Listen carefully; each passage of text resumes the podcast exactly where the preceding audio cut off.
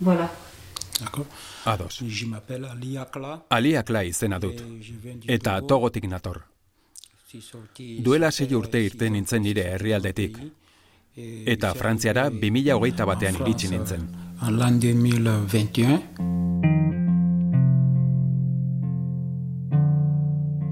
Ikaragarria da muga zeharkatzen duten migrarien kopurua. Etenik gabeko fluxu bat da. Agortzen ez den erreka baten antzera.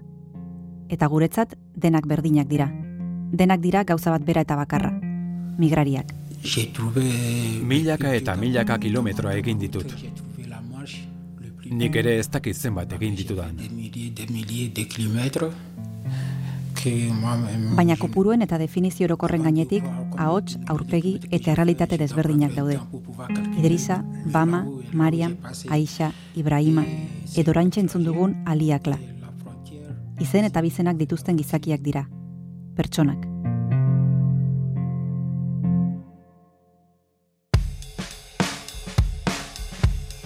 Kristina Tapia naiz eta hau Arresi ikusezina podcastaren hirugarren atala da. Pertsonak.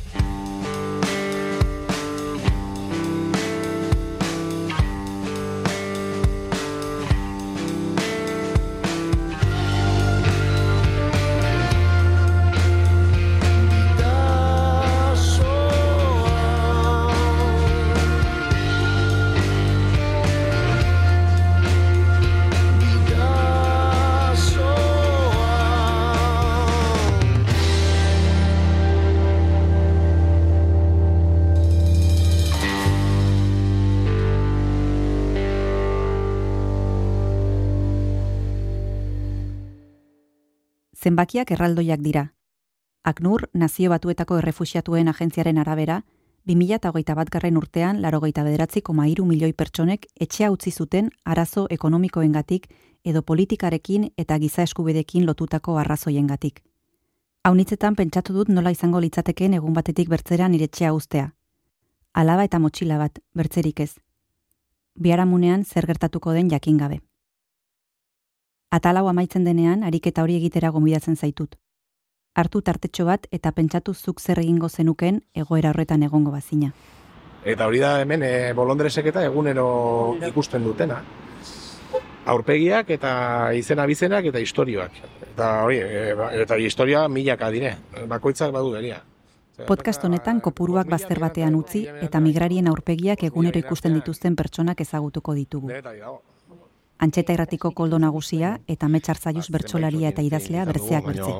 Ba, urtero lau mila edo bos mila hmm. pasatzen badira, bos mila historio ezberdin dira. Hmm. Hori eh, argi eta garbi. Persona batek ondatzen izunean bere aurpeik eran begor putzian horria beste lur bat hartzen du.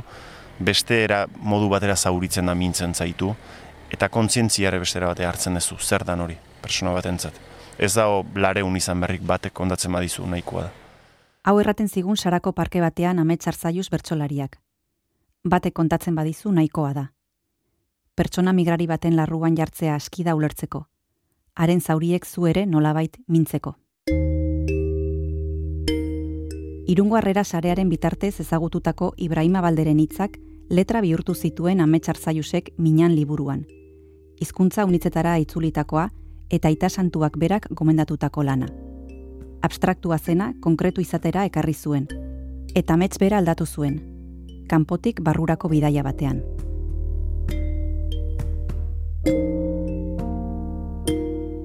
Eta guk, beste askoren artean, aliakla ezagutu dugu. Bera izan da, gure begirada aldatu duena.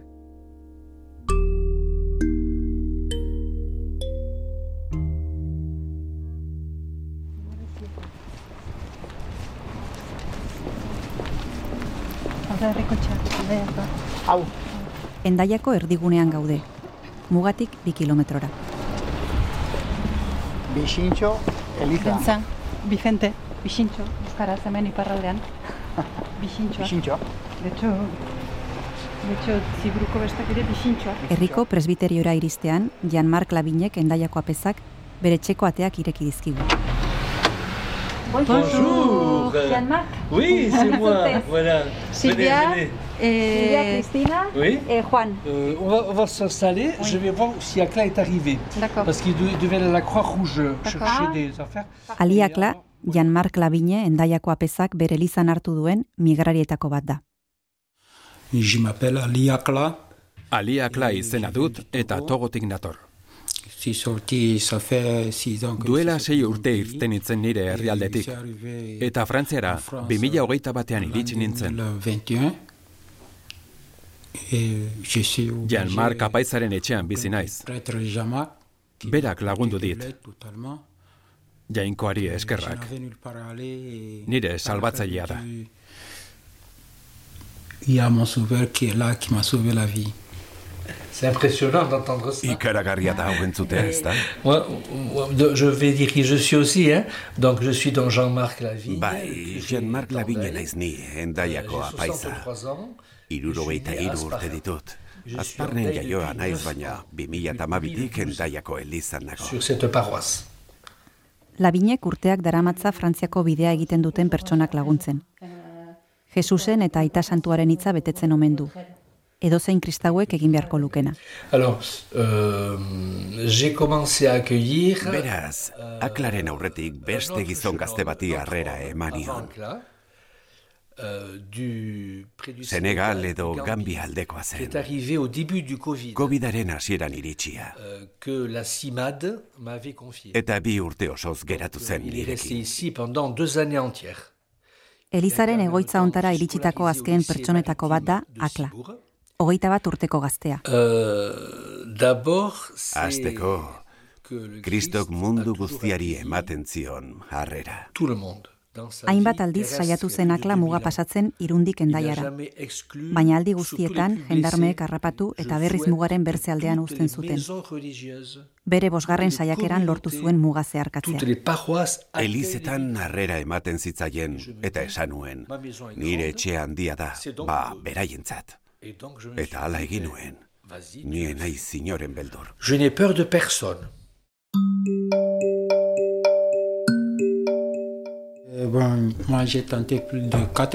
Lau aldiz saiatu nintzen eta bosgarrenean lortu nuen pasatzea. Mes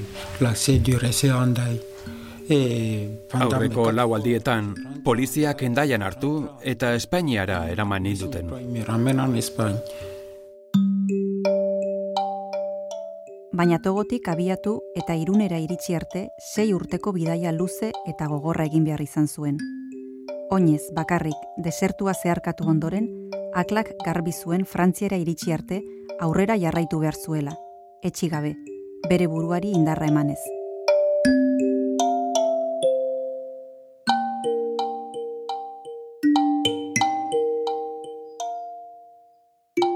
Bere herria usteko erabakia amabi urterekin hartu zuen. Lehenago, zortzi urte zituela, ark eta sei urteko anaiak gurasoak galdu zituzten. Haien zenideek tratu txarrak ematen zizkieten, eta hies egin zuten. Herri zerri ibili ziren, kalean bizitzen, eta egunero goizeko lautan jaikitzen. Inor anaia eta biak harrapa ezitzan. Amabost urte zituenean, anaiari adopzio familia bat topatu zion Afrikan, eta aklak Europarako bidaia hasi zuen. Sei urte luzeko odisea.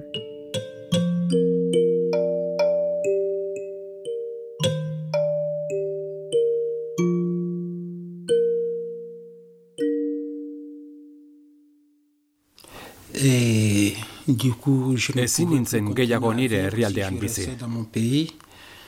Kalean nire anaia txikiarekin bizi nintzen. Asko borrokatu genuen. Quand j'avais déjà 8 ans, Zortzi urte nituela, père, gure gurasoak papa hil egin sont ziren eta ez genuen zainduko gintuen senitartekorik.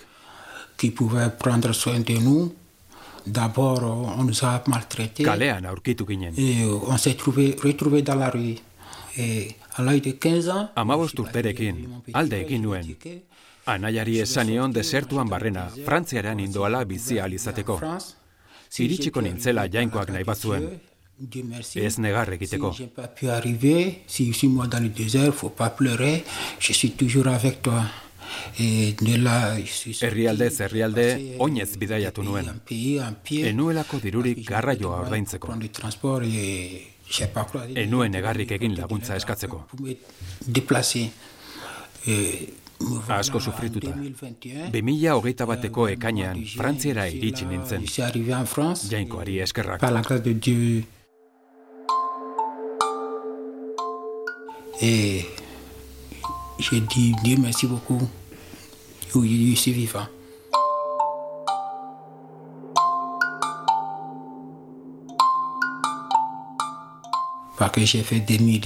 Milaka eta milaka kilometro egin ditut. Nik ere ez dakit zenbat egin ditut. Goitik begira aritzen nintzen bidea nondik egin. Muga nondik pasa erabaki nahian. Ez dakit zenbat kilometro egin dituen. Eundaka, milaka. Baina ondo baino beto gogoratzen du zenbat aldiz saiatu zen Atlantikoa gurutzatzen. Eta zenbat aldiz harrapatu zuen Marokoko poliziak sur la mer du Maroc. Marokoko itsasoan barrena. Bapatean beste norabide bat hartu zuten bi egunez eta gero berriz Europa aldera. Uretan aste betez joan ginen Europara bidean. Notre équerre, notre direction de l'Europe et on a pu traverser pendant une semaine sur l'eau. Europara iritsi bezain laster konturatu zenakla bidaia etzela maitzen. Bazirela bertze muga batzuk bertze oztopo batzuk. Espainiara iritsi nintzenean, oso gaizki egon nintzen, lanare kaltea eragin ziren. Espainian, leperrian, lanean aritu zen biziraupen beharrez, nekazal ustiapen handietan, laranjak biltzen, paperik eta kontu korronterik gabe zegoen, oso lan baldintzak askarretan. Miseria zen. Hiru hilabetean, bi astez eduki nuen lana, eta ordaindu zidatenean, ozta-ozta nuen jan ahal izateko.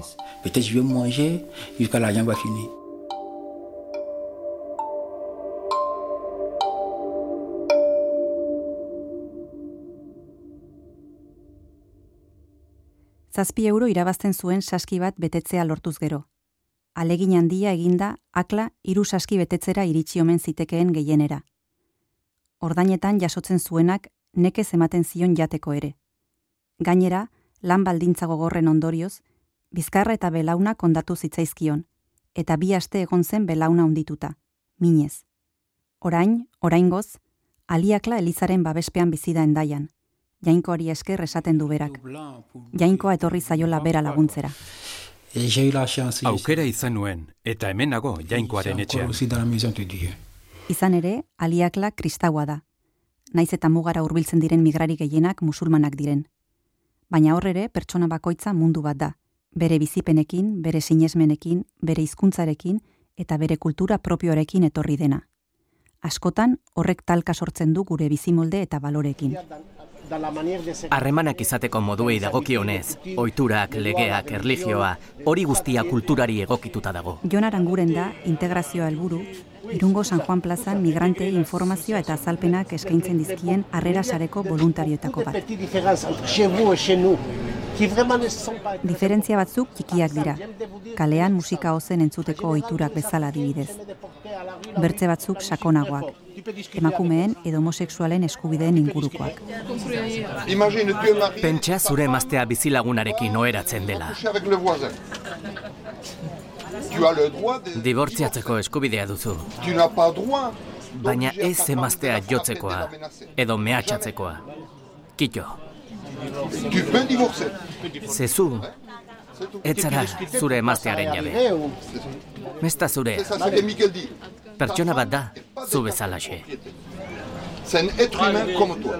Gauza asko, eh, bueno, eta gaiatzen mutilei, ba hori, ba, ba, eh, beste mundu bat dela, emakumekiko hemen daukagun jarrera beste bat dela, e, respetoa, homosexualitat, bai, ba, ba, sekaro, bai, bai, bai, ez da guztio, bai, bai, bai, eta gaina, bai, ze gaina, homosexualitatean ere esplikatzen zaie, zaten, e, horrekin ere eskatu, zakezu asiloa, beraientzako da, tabu, incluso direnentzako ere, orduan, bueno, ba, zaie hitza. Integrazio hori errazten saiatzen dira bidaian laguntzen duten pertsonak. Tontakeria bat iruditu arren, pertsonak bezala tratatu eta solasten diete voluntarioek.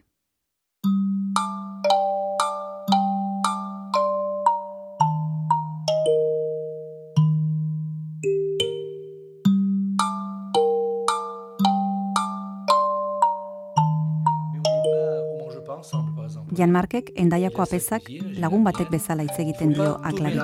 Mange parfois, mange parfois. Tu vas mais plats africains qui tous les autres. Mais trop de piment. Mais c'est bon quand même. janariari buruz solastu dugunean begirada lehenbiziko aldiz aldatu zaio. Eta irri bat dirudien keinua ikusi dugu gazte afrikarraren aurpegian. J'espère qu'il va adorer le piment quand même, parce que le plat africain c'est très délicieux. Oui. Tu as mangé deux, trois fois avec moi, donc... Oui, mais il y a l'akoumé, là, l'akoumé c'est un peu particulier. Bestela oso elkarrizketa zaila izan da. Ez hainbeste guretzako. Batzuetan nola jarraitu ez genekielako, baizik eta aklarentzat. Une askotan isilik gelditu da, eta hitz egiten ez duen arren, bere begiek dena erraten dute. Garbi dago bere bizitza kontatzeak zauria berriz ere odoletan jartzea eragiten diola. Mais c'est un peu difficile de la, de la gagner ici. Ouais, mais il est bon le vin de France. Ouais, mais le vin africain c'est très naturel et très... Pertsonak direlako eta pertsonak garelako. Migrari ia guztiek beraien mutxila urrietan dakarten zama astuna eta gogorra da. Pertsona bakar baten zauriak ezagutzea nahikoa zela esaten zuen lehen ametsar zaiusek, bere mina sentitzeko. Eta gu, aliaklarekin hasi gara min horretaz jabetzen. Berea eta bera bezalako migranteen bidaia hil ala bizikoa baita. Oui, en fait, euh, Bai, nik banuen lagun bat gure herrian zegoena. Eta Espainiara heldu nintzenean, jakin zuen eta mezua bidali zidan. Mesede ezakla, Europara joan nahi nuke. Nola igaro ninteke? Eta azaldu nion, nire abentura bizitza eta eriotzaren artean izan da.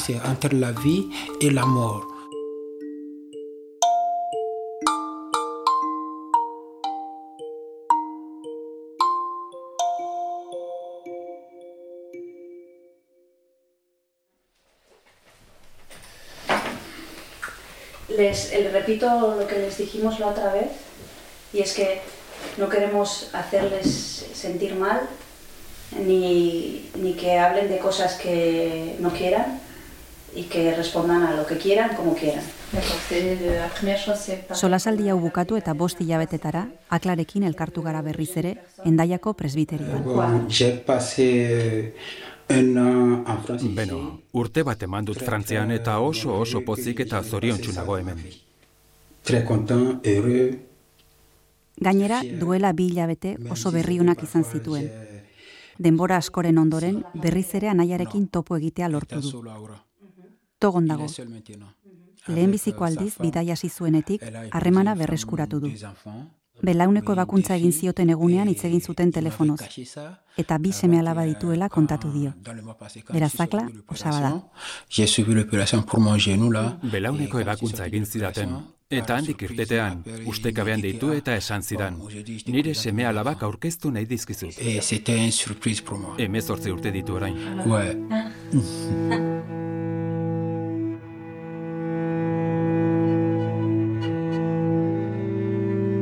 Bere ondoan jarraitzen duen apezak, hobeto ikusten du akla.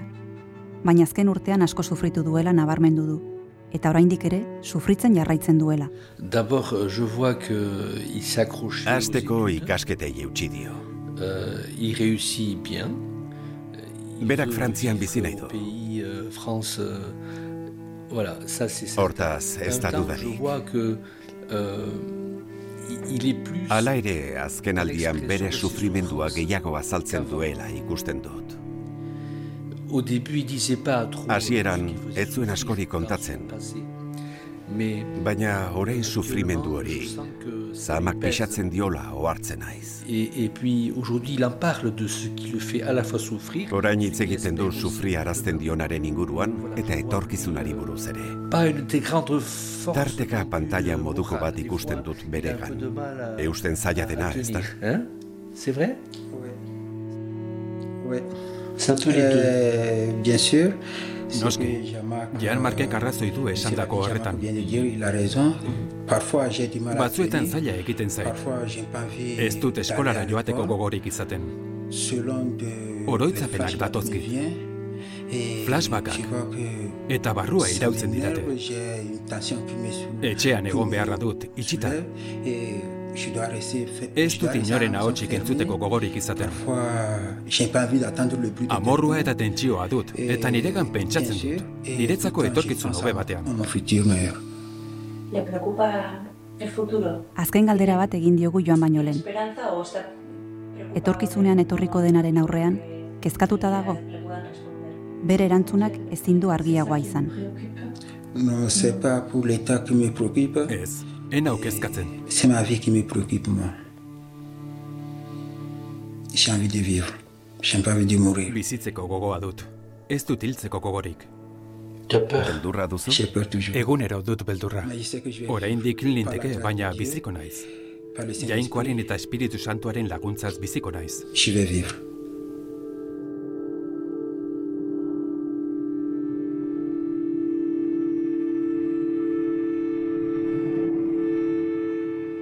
Hau aliaklaren kontakizuna da. Baina pertsona dina historio daude. Norberak du berea. Sufritu duten guziaren zatitxo txiki bat ulertzeko aukera ematen diguten istorioak. Pertsonenak. Eta zergatik erabakitzen duten haien herrialdetik irten eta bidaia luze eta arriskutsu bati ekitea. Zergatik bihurtzen diren pertsona hauek migrari.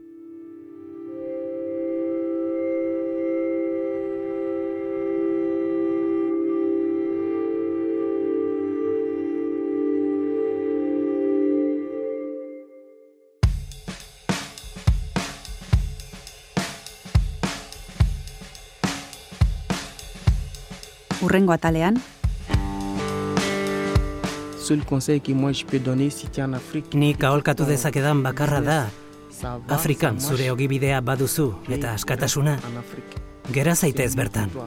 Geratu Afrikan. Hobe da zuretzat.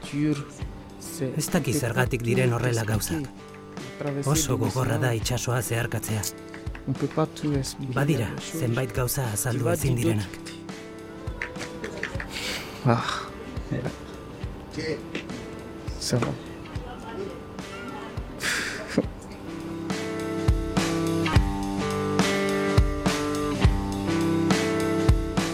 Arresi ikusezina Ulu Mediak EITB podcastentzat egindako serie dokumental bat da, eta Gipuzkoako foru aldundiak diruz lagundu du. Zuzendari eta ekoizle lanak nik neuk egin ditut. Xabier Etxeberria, Martin Etxeberria eta nik gidoia zarduratu gara. Grabazioak Juan G. Andresek eta Oier Arantzabalek egin dituzte. Muntaia eta soinu diseinua Juan G. Andresek eta Oier Arantzabalek egin dituzte. Silvia Tapia Buizik itzultzaile lanak egin ditu, eta sintonia gisa erabilitako kanta, bidasoa, Willis Drummond taldearena da. Gure eskerrik beroenak eman nahi dizkiegu irungo harrera sarea, iparraldea etorkinekin eta utopia elkartei. Voluntarioei eta proiektu honetan parte hartu duten guziei.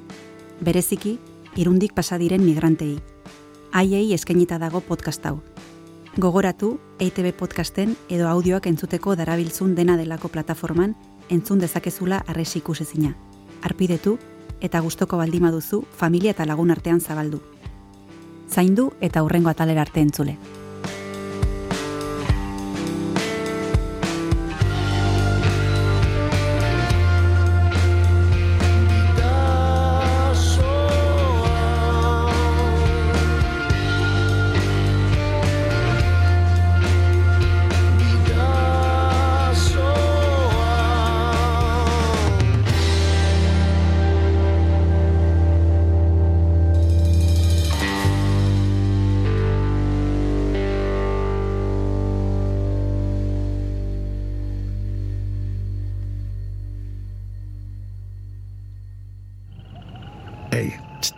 Entzun hori.